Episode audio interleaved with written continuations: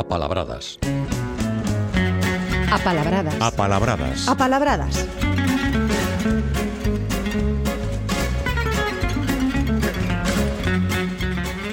Nas apalabradas, Paulino Novo, moi bons días. Que tal, bos días. Sei que hoxe constame que traes moi, moi poucas ganas de traballar, e non deixa de ser un contrasendido porque és unha das persoas máis traballadoras que coñezo. Eh, si, sí, traemos unha palabra que que leva a non traballar. Sí, vas comezar falando de folgar e de folgazán. Eh, non terá que ver, como decía, con que traes moi poucas ganas de traballar, insisto. no, bueno, traballei no, ora, ora xa toca expoñer. eh, falamos de folgar, sí, de folgar onde se crea o folgazán, claro. Folgar no sentido de non traballar, non ter ganas, ganas de traballar, non? Entón, folgazán é ese, o que escapa ao traballo, non? Eh, pero folgar é un verbo eh, que, que ten máis significados, e eh, máis variados, variados. É tamén descansar, e aí estaría relacionado con, con non traballar, pero é tamén respirar profundamente, concretamente facendo algo de ruido. E tamén empre, empregamos folgar ou participio folgado para cando algo é sobrado ou moi amplo, non? Eso xa se usaba en latín co significado este aplicado a, algún calzado. Pero se fa ruido e cando roncas, non? Eh, non, oh. ruido de respiración, ah. ruido de respiración. Cando respiras profundo. A verdade é que tamén cando descansas, porque estás satisfeito, ou vas descansar ou tal, ou, ou te baixes un esforzo, pois tamén esa respiración o ese, non? Imos ver agora de onde procede, porque vamos a entender ese significado. Pero sí que folgar, ademais de non traballar ou non querer traballar, ten este e ten estes outros significados. E incluso por aí algún máis despois de divertirse e tal. Pero en principio todos poderían ter explicación. Eh, en a lingua medieval había unha forma que era folegar, que non era folgar. Había folegar. E folegar na Idade Media empregábase no sentido, aparecía nas, nas cantigas, eh, no sentido de facer o acto sexual. Tamén en castelán, olgar aparece con este significado no Quijote. E o, o actual asturiano, folgar, tamén recolle este significado, realizar o acto sexual. Eh? En galego, como digo, na forma antiga que era folegar, que non era folgar. Eh? E é unha palabra que ven de folis.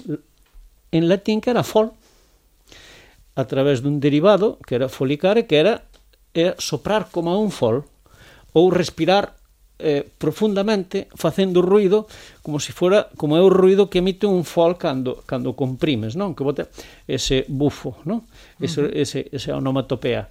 Entón, algo dai ven, dai ven o, o folgar e dai ten eses significados que vimos antes, e concretamente o de, bueno, eh, hoxe úsase con non traballar, pero tivo eses outros. Está relacionado o castelán juerga tamén, eh? Juerga que é alteración de huelga que se fricativiza, huelga coa acepción de descanso prácido, derivado de holgar. En castelán tamén holgorio. Holgorio é tamén unha alteración de holgorio, que era unha diversión ruidosa e da mesma maneira tamén derivado de holgar en castelán. Eh? Moi ben, pois mira, hoxe o que podemos facer é repasar as cantigas de Alfonso X Sabio e a ver se aparece un destos termos, non? Sí, sí, aparece, aparece. Bueno, cambiamos de... Nas de Alfonso X eran as cantigas de Santa María, normalmente non se mete con estas, con estas palabras. Uh -huh. Non recordo ahora mesmo en que, en que, en que obras están, están documentadas, pero bueno, sí que o que digo é esta, folegar con esa acepción na lingua medieval, pero non me acordo agora en que, en que obras. Pero seguramente nas cantigas de Santa María seguramente que non. Pois imos coas cantigas a outra parte imos abrir, imos abrir o forno porque como temos moi bo pan, Paulino, e nos gusta, pois tamén temos moitas palabras para referirnos a él. Témolo de formas e sabores variados. E hoxe vasnos propor facer un paseo por algúns dos nomes que nos ofrece o rico o sempre rico mundo do pan. Eh, exactamente, rico nos dous sentidos. Rico porque nos ofrece moitas palabras e rico porque sempre é un placer comer pan de calquera das maneiras. Ten moitísimas palabras. Hoxe imos falar de, de, de, de dunha presadiña delas. Quizáis das formas de, das formas das pezas de pan máis correntes. Falamos de bolo, por exemplo que é unha peza de pan arredondeada ou bola. A bola é tamén unha peza de pan circular é de pouca altura normalmente. Tamén dá nome a un pan doce, tamén a unha torta de millo e tamén a unha empanada, aínda que a empanada ten que ser redonda, e concretamente en algúns sitios, no meu particular as bolas son redondas e moi aplanadas. En, na terracha as bolas son as que levan as que levan liscos delgadiños de touciño e rodeñas de chourizo e se fan envoltas en, en berza. Que van preñados, que tamén nos vale. Eh, van, van, van preñadas, pero fan unhas bolas, unhas bolas redondas eh, moi, moi ricas. E eso é bola. Bolo só sería a peza de pan arredondada. E ven dunha palabra latina da que temos moita descendencia, que é bula, que é un, de forma arredondada, non? E, ademais de nós, eh, bueno, en castelán a bolla e o bollo tamén, e en francés incluso, que agora estánse empezando a ver que algunhas eh, panaderías lle chaman tamén boulangerie, e é unha palabra tamén que tanto boulanger, o panadeiro, como boulangerie, a panadería, son palabras do francés, e tamén proceden desta base latina deste, deste bula, ainda que ten aí unha complicación que non toman directamente do latín, seguramente a través dunha forma neerlandesa, non? Outra palabra, molete, que non se usa en moitos sitios. Aquí en Santiago, por exemplo, é unha palabra que se usa. Penso que sí. É, é a peza de pan, pero que ten moita miga, que ten moito miolo, e que está esponxosa. É un derivado de mol, de mol brando. Entón, o molete é o que está, ten a, a miga esa branda. Eh? Eh, temos molego tamén, que se chama o pan de trigo, e molega, que é a merenda que se leva ao campo que iría tamén relacion, iría tamén con pan de, con pan deste tipo. En castelán teñen tamén o, o mollete, a molleta, e teñen tamén o mollego en castelán para, para a miga de pan, eh? para, para o miolo. Outra palabra, fogaza. Non se usa moito en galego, pero temos esa palabra. Eh? E concretamente a fogaza é unha peza redonda, é normalmente de pan de trigo, aínda que tamén aparece na maioría da documentación feito con fariña de segunda calidade, non non non de boa, non de boa fariña. Eh, do que sae un pan sería a fogaza un pan máis un pan máis ordinario, non? En portugués teñen fogasa tamén. Eh, e, e usan máis usan máis este fogasa que usamos nós. De feito, para eles a, foga, a fogasa era un bolo que se daba como premio que engañaba unha competición. Era un bolo tamén que se facía co que se facía ofrenda a un santo ou tamén que se facía como ofrenda na, na alguna celebración de algunha boda. E a fogasa podía ser incluso tamén a rapariga, como din eles, que entregaba ese premio a, ou, esa, ou esa ofrenda. Usan máis os portugueses fogasa e en castelán hogaza tamén. É unha palabra que ven que deriva do latín focus, onde temos a palabra foco, pero onde temos tamén a palabra fogo ou fogar. O focus era o fogar, o fogón, eh, o lugar onde se fai o lume na casa. Entón a fogaza era o pan que se facía nese lume, nese lume da casa. Eh?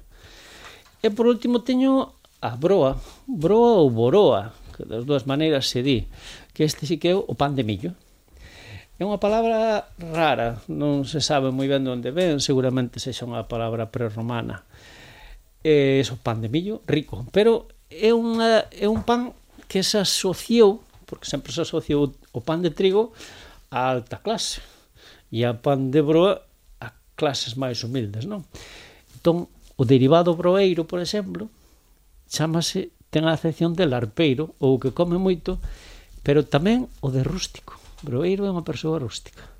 E broeiro tamén é o seminarista, porque o seminarista mentre estudiaban no seminario comían pan pobre ou lles mandaban pan da casa pobre.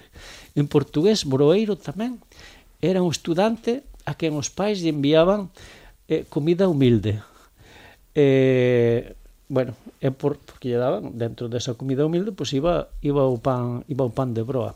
Hai outra palabra en galego e portugués, en galego que é codio, que é unha palabra que denomina o, seminarista un seminante un estudante pobre. A pasada semana falamos da codia. Sí, pois pues, mira, codio. En portugués teñen codia, que é tamén pobre eh, son derivados da codia. Entón era, eran os estudantes que comían o, o a parte dura esa do, do pan ou un pan que xa estaba pasado que estaba que estaba moi duro.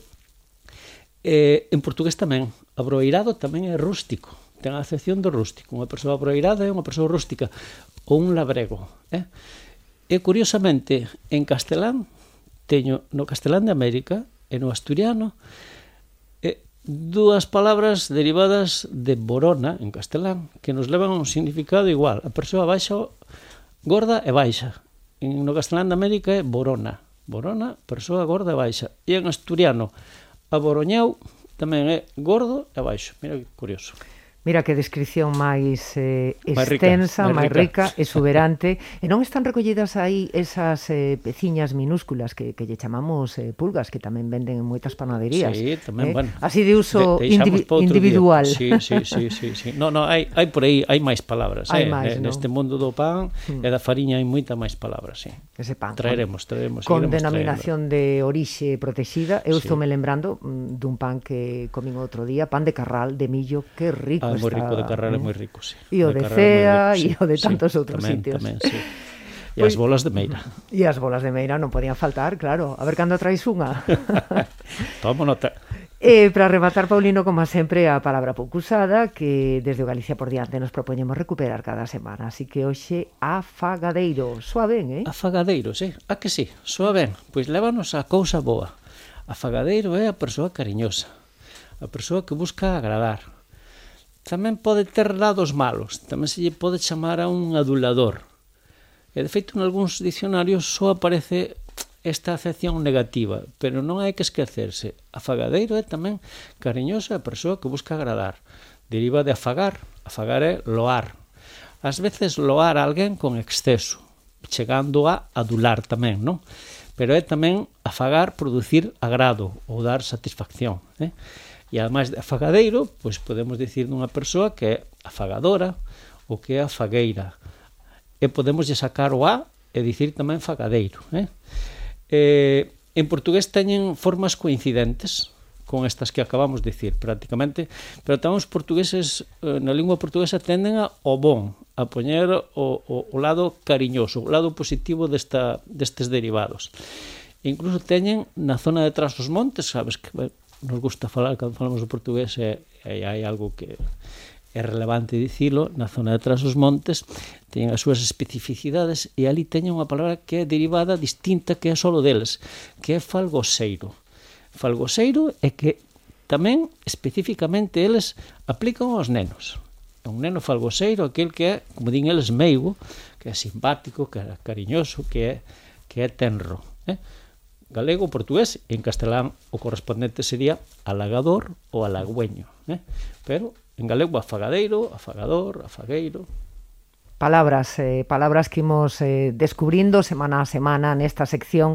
Teño que retirar, Paulino, que dicía nun principio que traías poucas ganas de traballar, evidentemente estaba en consonancia, estaba coa palabra, en, en coa relación palabra. coa palabra. Botamos desculpas a á palabra. Non vai a ser, en calquera caso, bueno, aquí está o, o resultado deste traballo froito mm, de moitas horas e de moita investigación que hai detrás, eh, eh okay. como sempre. Intentamos traer todos os... Sí. Eh, traer, aproveitando calquera, disculpa, para traer palabriñas todos os sábados todos. Así luce. Paulino, un placer que teñas un bo sábado e non te esquezas, por favor, de ir eh, de levar unha peciña de pan para a casa. Non te eh, esquezas eh, nunca, que non nunca, é o pan e, nunca. o que engorda, eh? No, no, no, é o que vai claro. dentro. No, no, no, no, no, no. Ainda que engordar algo é moi rico.